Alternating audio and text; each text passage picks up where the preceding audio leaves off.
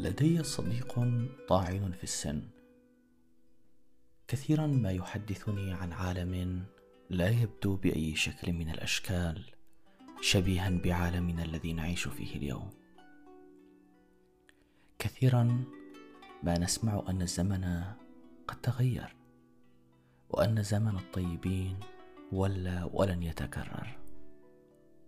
فهل كان آباؤنا حقا يعيشون في زمان أفضل من زماننا هذا؟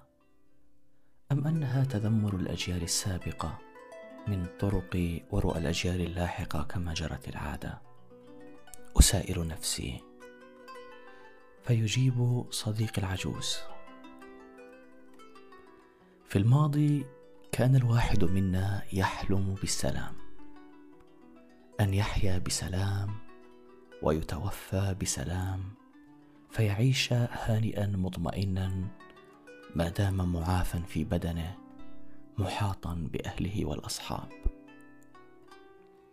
أما الآن فأصبح الإنسان يشقى ويكد ويتعب لامتلاك المزيد من المادة.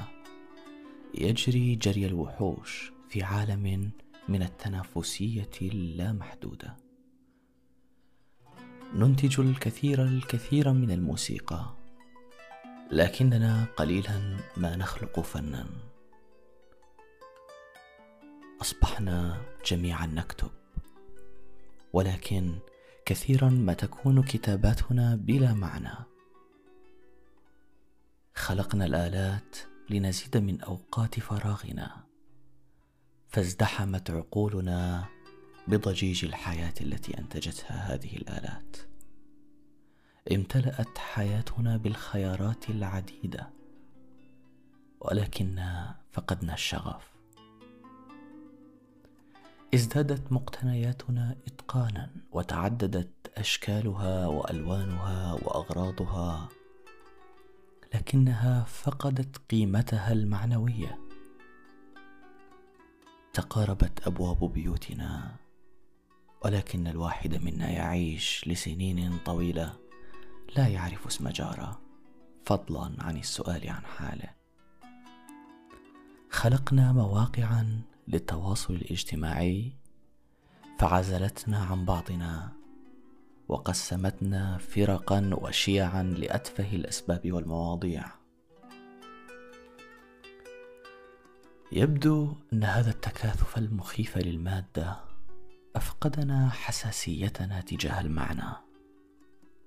تذكرت هنا تشبيه أحد الفلاسفة خروج الإنسان من حياته التقليدية إلى دنيا الحداثة والتكنولوجيا بنزول آدم من جنة الهناء إلى أرض الشقاء. اشعر يا صديقي للحظة. ألا ترى عالمنا اليوم يزداد ظلاما بالرغم من كل هذه الأضواء الساطعة التي تحيط بنا.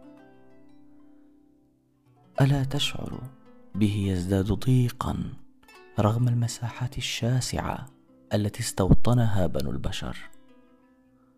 ألا تلاحظ أنه يزداد برودة رغم كل وسائل التدفئة التي ابتكرناها. فهم بني البشر يتسابقون اليوم للصعود إلى الفضاء لكنهم غافلون عن حاجتهم للنزول إلى قاع أنفسهم. هكذا حدثني صديقي العجوز. أدركت حينها أن كلام الآباء عن تغير حال الدنيا لم يكن محض تذمر لا صلة له بالواقع بل هو حقيقة نعيشها كل يوم. صديقي فلتسمح لي في هذه السلسلة أن أشاركك ما أخبرني به صديقي العجوز عن زماننا.